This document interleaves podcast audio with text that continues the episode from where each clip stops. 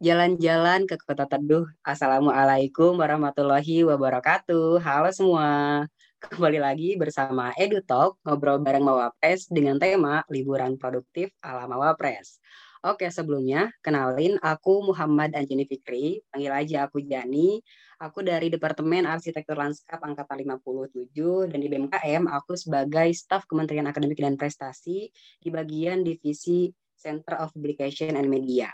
Oke, sebelum lanjut, EduTalk merupakan salah satu program dari BMKM IPB dari Kementerian Akademik dan Prestasi yang bertujuan membagikan semangat positif dari mahasiswa berprestasi dan juga mahasiswa inspiratif dari berbagai kampus seputar kehidupan akademik, prestasi, organisasi, dan pasca kampus. Nah, kali ini kita lagi rehat nih dari kegiatan akademik libur semester tentu menjadi hal yang sangat dinantikan oleh kita semua sebagai mahasiswa setelah menjalankan aktivitas perkuliahan. Nah, sangat disayangkan nih jika masa liburan yang cukup panjang hanya diisi dengan bermalas-malasan atau cuma rebahan dan terbuang begitu saja. Nah, ayo kita cari tahu gimana sih liburan ala Mawapres biar liburan kita juga tertular produktif nih kayak Mawapres, bener gak sih? Nah, kali ini kita kedatangan narasumber, siapa lagi kalau bukan Mawapres alias mahasiswa berprestasi, beliau dari Fakultas Matematika dan Ilmu Pengetahuan Alam, yaitu Kak Ardela Maharani. Halo Kak Ardela, apa kabar? Halo, I'm good. Apa kabar, Jani? Apa kabar teman-teman semua? Apa kabar semua? Aku panggilnya Kadila aja ya biar biar tambah akrab ya kak. Iya nggak apa-apa. Aku panggil Jani nggak apa-apa kan ya? Nggak apa-apa dong. harus panggil Jani. oh iya harus panggil Jani. Oke. Oke oke. Eh, sebelumnya perkenalan dulu mungkin kak, biar lebih oh tahu. Oh iya. Gitu. Oh iya iya siap siap. Oke, halo semuanya. Nama aku Ardela Maharani, biasanya dipanggil Ardel. Uh, aku dari Departemen Matematika, jurusan Aktuaria angkatan 54. Berarti sekarang aku lagi tingkat akhir di tingkat skripsi uh, dan uh, aku asalnya dari Jakarta. Uh, sekarang aku tinggal di Bogor. Lagi tingkat akhir tuh lagi masanya deg-degan gak sih, Kak? Uh, iya sih betul sebenarnya.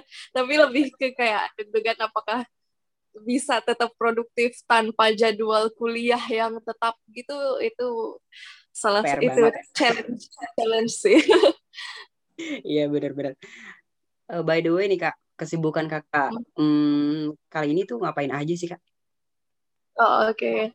jadi sebenarnya ya kesibukan seharusnya seperti mahasiswa tingkat akhir lainnya adalah skripsian seharusnya aku sibuk skripsian sih tapi uh, sebenarnya sekarang aku juga lagi ngajar jadi lagi kayak um, ngajar private business English class gitu ke beberapa orang Wah, jadi mantap mantap luar biasa iya cuman eh, ini sebenarnya pertama kali aku ngajar kayak gitu dan ya yeah, so far so good baru beberapa minggu awal sih. Jadi ya mohon doanya supaya lancar. Amin, mudah-mudahan lancar selalu ya kak. Amin. Oke. Aduh, aku insecure nih karena lo udah produktif nih yang ngisi liburnya sama private class. Aduh, aku ngapain ya? Oke okay, guys. Oke, okay, kita beralih dulu nih ke, ke segmen selanjutnya yang sangat kita tunggu-tunggu. Kita uh, cari tahu nih apa aja sih yang dilakukan seorang mawapres di kalau libur nih ya kita yang biasanya gabut-gabut yang biasanya yang biasanya cuma rebahan doang apakah akan tertampar? Ya kita masuk ke segmen berikutnya.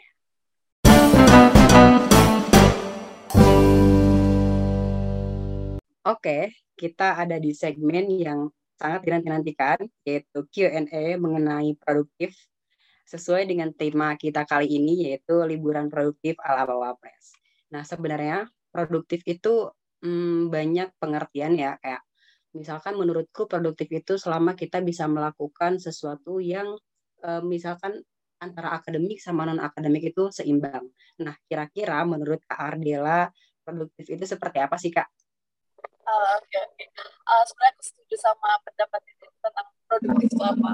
Uh, tapi mungkin biar lebih luas sedikit ya mungkin secara prinsipnya produktif itu artinya kita melakukan ya apa pun itu akademik akademik tapi yang penting dia adalah sesuatu yang baik sesuatu yang bermanfaat. Walaupun bermanfaat cuma buat kita it's okay selama itu positif. Tapi kalau misalnya kegiatannya ya sebenarnya itu kurang positif. Maybe uh, tidak terlalu uh, bermanfaat atau mungkin tidak terlalu uh, ada ada efeknya ke kita maupun ke orang lain mungkin bisa dibilang kurang produktif ya. Iya benar banget. Produktif itu harus ada impact ya, baik itu bagi diri sendiri atau mungkin bagi orang lain. Kayak yang dilakukan ya, sama Kak Arda ya. sekarang nih, luar biasa. Iya, tapi sebenarnya kayak disclaimer aja sih menurut aku produktif nggak harus sesuatu kegiatan yang dampaknya tuh sudah a big impact tuh nggak nggak butuh nggak butuh karena ya nggak semua orang uh, bisa dan mungkin punya uh, punya apa kayak semacam resource iya iya benar-benar banget. Nih uh, oke. okay setelah kita tahu nih produktif itu sesuatu hal yang berimpact positif baik itu bagi diri sendiri atau mungkin bagi orang lain walaupun impactnya nggak terlalu besar tapi selama itu bermanfaat uh, bisa bermanfaat bagi diri, bagi diri sendiri sekecil apa pun itu sebuah kegiatan yang produktif ya kak. Ada pertanyaan yang terlintas di kepalaku, bagaimana sih seseorang itu bisa dikatakan produktif dan tidak membuang waktunya? Oke, okay. uh, eh, right. Uh, jadi menurut aku ada beberapa kriteria juga sih, tapi uh, intinya yang pertama kita tidak membuang-buang waktu ya.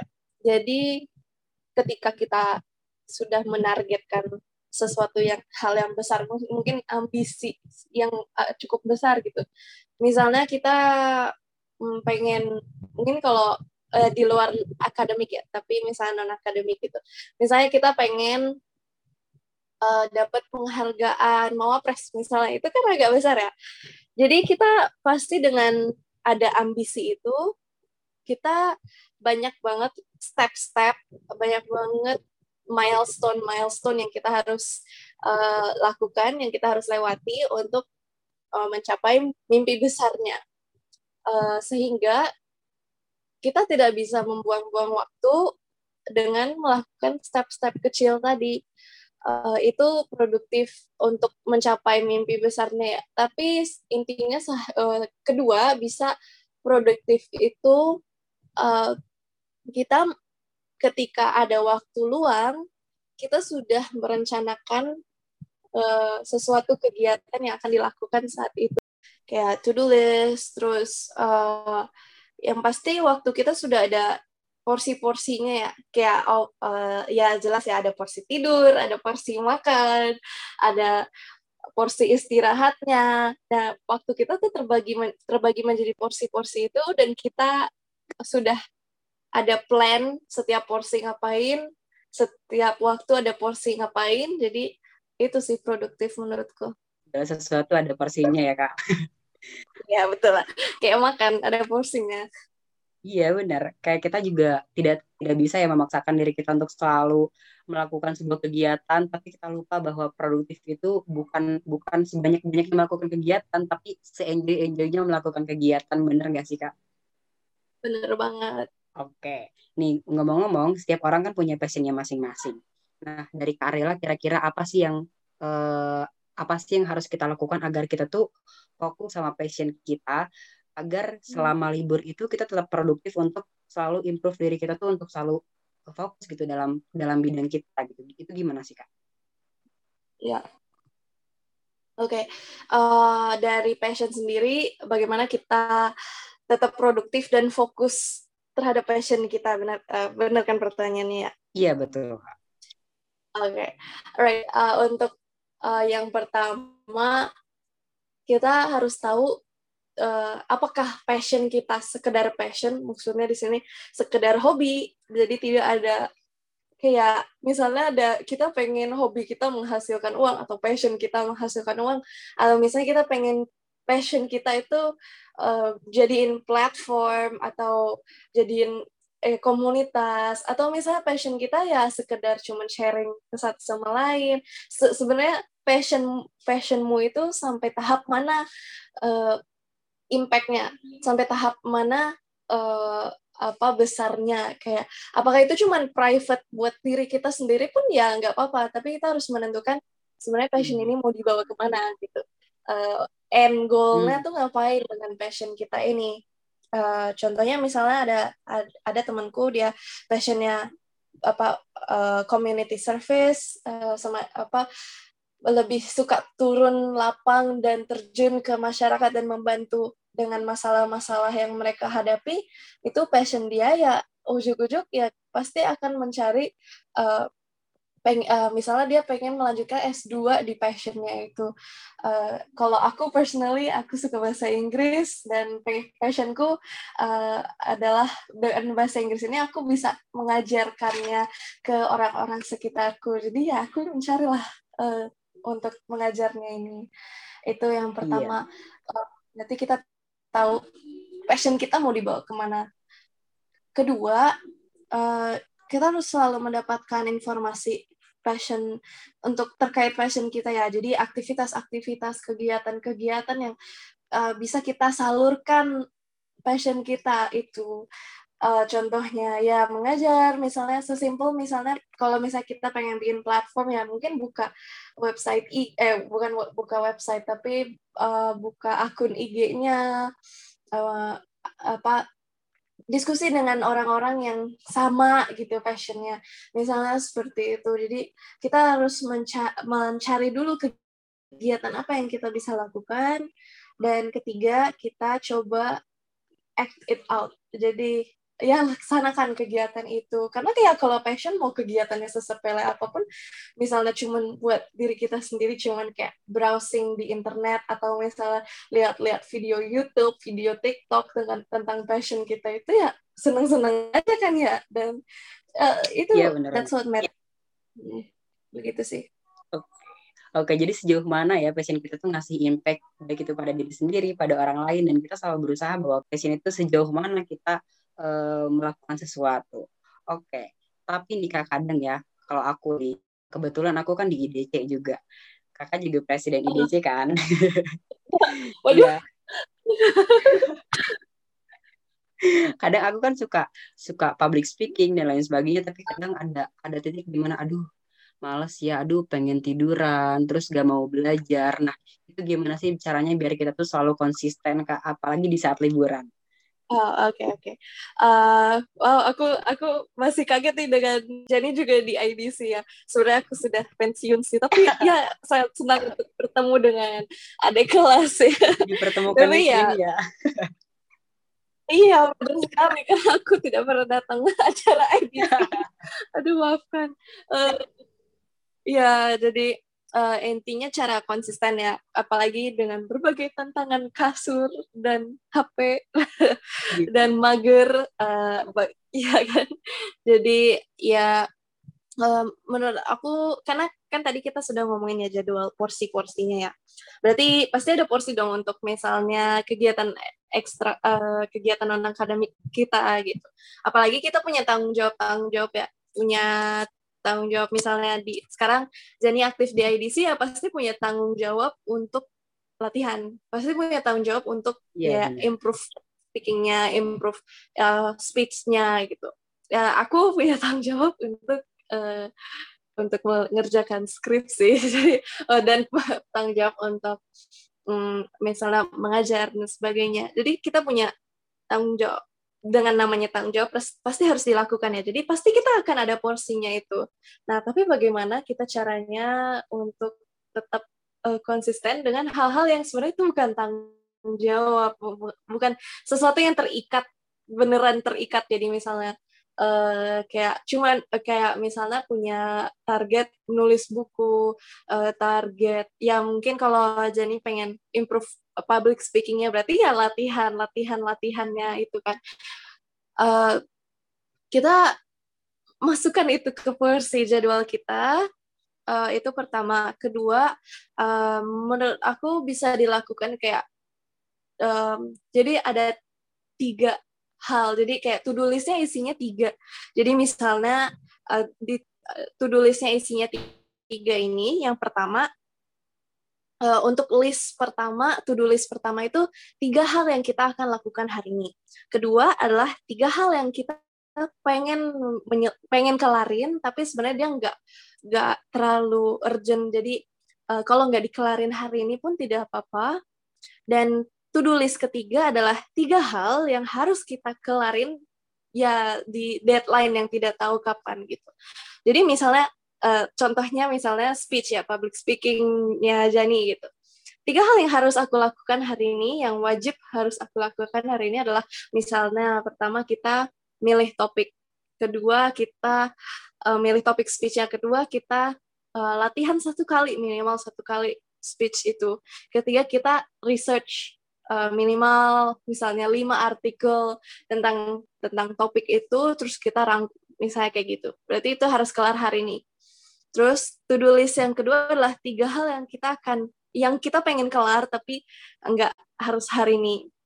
Uh, jadi misalnya uh, hari ini uh, misalnya kamu ada to-do list, kamu harus bisa ngomong selama lima menit lima uh, menit speech-nya. Jadi misalnya seminggu lalu tiga menit, sekarang lima menit gitu.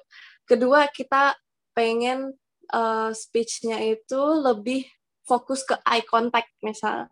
Uh, terus uh, ketiga misalnya kita pengen kelarin baca berapa artikel tentang topik tertentu. Jadi ya itu. Dan untuk list ketiga ya secara garis umumnya misalnya kita pengen lomba, kita pengen uh, misalnya diundang pembicara di mana atau ikut webinar public speaking uh, seperti itu. Jadi dengan ada list-list itu kita akan selalu ada hal yang harus kita lakukan. Uh, jadi uh, with that being said, uh, untuk passion-passion yang kita punya itu, yang non akademik khususnya, pecahkanlah dia ke step-step kecil, ke langkah-langkah kecil. Karena kalau kayak ngawang gitu, kalau misalnya aku pengen menang lomba debat, ya bagaimana itu ngawang banget karena itu kayak yeah. nah kita pecahkanlah dia ke mimpi-mimpi kecil dulu. Oh ya aku pengen aja ngomongnya lancar gitu nggak gugup lagi. Kayak hal-hal kayak gitu itu saat saat saat worth it saat sangat bermakna ketika kita kelar to-do list yang pertama yang walaupun dia hal kecil gitu. Apresiasi diri sendiri langsung iya. jajan setelah itu Pokoknya ingat tiga hal ya kak, apa yang harus kita lakukan hari ini, apa yang harus kita selesaikan dan nggak harus hari ini dan apa yang harus kita lakukan yang deadline tuh nggak tahu kapan tapi yang yang jadi goals kita yang terbesar kita bener nggak sih kak? Betul. Oke, luar biasa ya. Pokoknya teman-teman jangan lupa ingat tiga hal ya. Oke, luar biasa. Oke, ada uh, mungkin pertanyaan terakhir nih dari dari aku ya. Tadi kita udah ngobrolin passion, kita udah ngobrolin pembagian waktu kita.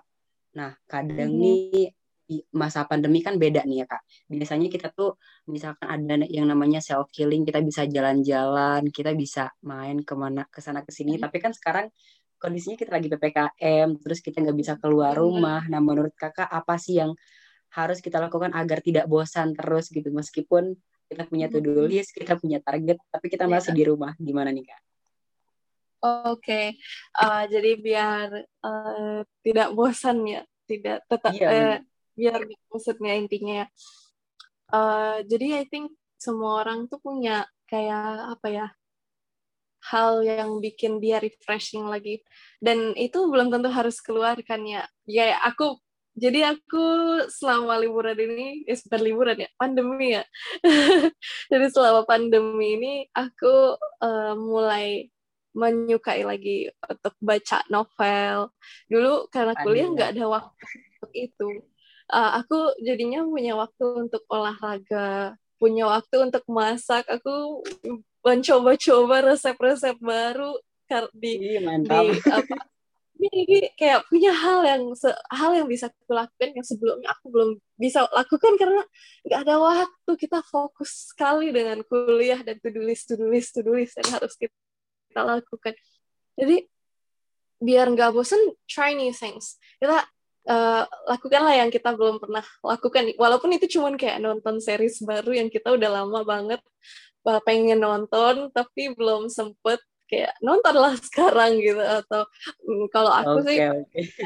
ya lagi senang banget uh, lagi senang banget bisa baca dan mengelarkan banyak novel yang aku sudah tertunda terus ya masak jadi uh, try new things intinya Hmm, oke oke. Sebenarnya eh, kontrolnya ada di diri kita ya ternyata dan aduh sebenarnya itu kesempatan banget ya Kak buat kita. Aduh, aku tertampar nih. Soalnya aku tiap hari tuh scroll TikTok aja gitu. aku mencoba hal yang unexpected juga sih kayak uh, aku tiba-tiba kayak nyoba yoga di rumah terus kayak aku gak pernah kepikiran sama sekali bahkan gak pernah yoga gak pernah bisa yoga terus Iya, kayak iya, iya. tiba-tiba yoga terus kayak tiba-tiba aku kayak karena non nggak pernah nonton drama Korea sebelumnya jadi pertama kali nonton pas pandemi terus kayak "Duh, aku pengen masak masakan Korea dan terus aku bikin kayak kimchi sendiri bikin, makanan Korea kita lihat-lihat di drakor gitu kayak kimbap gitu-gitu aku bikin kan kayak apalagi kita punya advantage di mana kayak kita bisa beli apa aja online tapi jangan jangan kita jangan terbawa pula ya dengan temptation itu Iya, tapi iya, iya. itu bisa dimanfaatin banget sih kayak kalau kita pengen nyoba hobi baru apa gitu ya tinggal cari online gitu kan ya itu I think sangat sangat luar biasa Iya. Hal kecil tapi buat kita bahagia ya sebenarnya. bener-bener banget Oke, jadi pokoknya jangan lupa nih buat teman-teman semua untuk untuk apa ya? Untuk mencari hobi-hobi baru nih. Sebenarnya ini jadi kesempatan buat kita untuk eh, apa ya? Mencari, menggali, eh, mencari informasi lagi tentang diri kita eh, yang akhirnya kita juga bisa improve diri kita untuk selalu melakukan hal yang terbaik dalam hidup.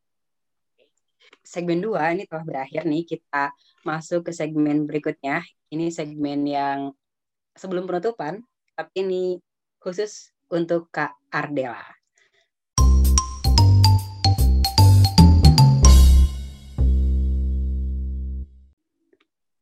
oke Oh. siap Oke, nih di segmen 3 Kak, aku ada games namanya This or That. Nanti Kakak pilih satu aja. aku akan baca dikit Nggak sih, bisa dikit ada. Dikit kok ada ada enam pertanyaan. Ada enam pertanyaan. oke Tapi, kok, eh, tapi aku maunya eh, jawab dulu, ntar kasih alasannya, Mhm. aku diulang lagi soalnya. Oh, Tapi oke nanti jawabnya cepat ya Kak. Oke, Oke. kita mulai ya. Satu, dua, tiga. Mhm. Pertanyaan pertama. Mhm. Libur diisi kegiatan organisasi atau libur diisi sama lomba? Kegiatan organisasi Seminar atau bi- webinar? seminar Dapat posisi bagus di organisasi atau jadi mau pres aja? Hmm. susah apa ya dapat posisi bagus atau jadi mau pres aja Aja. Ah, mau pres deh Kos atau asrama? Eh, kenapa oh ya Kos yang atau itu asrama? di- kos atau asra- ah, kos Banyak teman, banyak relasi, atau gak banyak tapi bisa saling mengerti? gak banyak tapi bisa saling mengerti Pertanyaan terakhir, makan porsi hemat bisa beli skincare atau makan enak nggak bisa beli skincare? makan enak gak bisa beli skincare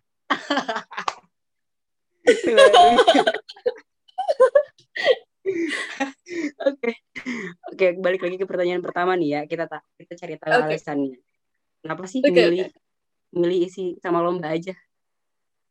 Oh, isi sama organisasi Oh iya, Iya, aku mengisi sama organisasi karena jujur kayak lomba di saat online ini saat saat susah. Bukan masalah Oh. mencarinya, tapi kayak feels-nya nggak dapet feels lomba kayak kan dulu aku lomba lebih sering lomba debat ya. Dan iya. aku, aku melihat teman-temanku yang lomba debat online kayak NUDC KDMI gitu kayak direkam videonya atau maksudnya lewat Zoom gitu belum lagi tantangan-tantangan sinyal ini jadi kayak itu sangat tidak uh, menarik buatku mendingan organisasi aja soalnya organisasi uh, tidak ada pressure untuk mm, misalnya untuk men, apa mendapatkan ya quote and quote juara ya. Walaupun itu sebenarnya bukan hal yang paling penting, tapi setidaknya hmm. kalau organisasi lebih mudah untuk dilaksanakan, lebih feelsnya juga masih oke okay lah karena kayak antar temen gimana sih untuk rapat-rapat-rapat gitu ya. Oh gitu iya. Sih. yang kedua, kenapa milih seminar? Uh, uh, karena dan ini ada dua alasan. Yang pertama sebagai peserta, yang kedua sebagai pembicara ya. Uh, iya. Dua-duanya sama alasannya karena uh, kalau offline seminar itu menurut aku lebih bermakna gitu, lebih nempel. Oh, iya, benar. Di, ya mau sebagai uh, peserta maupun sebagai pembicara. Buat pembicara enak karena bisa gampang banget interaktif sama audiensnya. Uh, karena uh, kalau di layar kan terbatas ya hanya terlihat um, muka dan mungkin sedikit uh, apa bahu kita. Tapi tang ya mungkin tangan juga. Tapi ya itu beda sekali dengan kita jalan di atas podium sana dan podium sini. Hmm, okay, okay, dan okay. Ya, sebagai peserta pun kayak kadang-kadang di peserta pun kayak ada di web di seminar pun kan kayak ada uh, kita bisa ngobrol tuh, apa dengan teman baru, punya networking space, punya eh, hal-hal uh, interaktif yang games-games yang lebih interaktif yang lebih apa hands on kayak menurut aku itu saat lebih menarik itu hal-hal di seminar yang aku sangat kangen begitu. Oke, luar biasa. Ini langsung ke pertanyaan keenam aja nih ya. Makan porsi hemat okay. terus bisa beli skincare tapi ternyata adalah milihnya makan enak tapi nggak bisa beli skincare. Kok bisa sih? Iya betul. Karena aku suka banget makan kayak aku suka banget makan porsi banyak. Gue makan enak lah intinya. Dan uh, skincare bukanlah satu kebutuhan hidupku kayak uh, tidak seperti uh, teman-temanku yang lain kayak uh, tidak.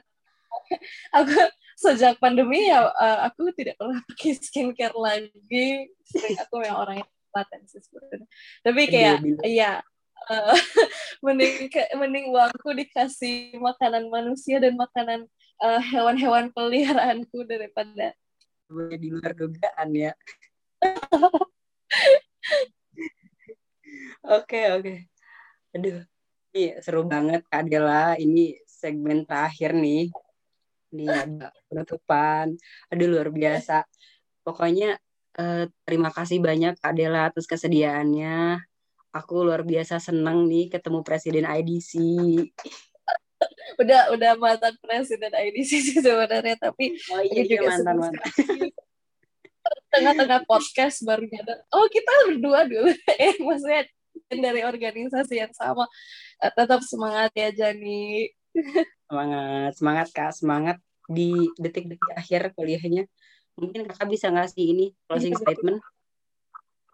Oh iya bisa bisa. Uh, right aku selalu bilang ke di kalau aku mengisi webinar maupun seminar aku selalu bilang tiga hal. Kita sebagai mahasiswa sebagai uh, bagian dari masyarakat ini kita harus menjadi tiga hal. Yang pertama kita be confident, jadi kita pede dengan prinsip kita, dengan uh, apa pun yang kita sedang tekuni, apa pun yang sedang kita pelajari, passion dan fokus kita. Uh, apalagi misalnya kalau mau berbicara depan umum, be confident, berbicara bahasa Inggris, be confident. Uh, tapi jangan overconfident. Kedua, be humble uh, kita mau setinggi apa pun prestasi, setinggi apa pun uh, apa jabatan di organisasi atau apa pun achievement yang kita punya, kita harus be humble, jangan lupa untuk sharing ke orang-orang di sekitar kita dan selalu bermanfaat bagi masyarakat. Dan ketiga, be authentic. Just be you. Jadi kita stay true to ourselves, uh, nggak usah ngikutin nggak apa orang-orang lain yang ya beneran menjadi diri kita sendiri, menjadi diri kita yang terbaik uh, begitu sih. Oke, luar biasa. Sekali lagi terima kasih banyak Kak Dela. Duh, luar biasa. Iya, terima kasih juga Jani. Tetap semangat. Selalu sehat semangat. ya. Stay safe, stay healthy. Yes, kakak juga ya. Teman-teman yes, semua juga. teman-teman semua.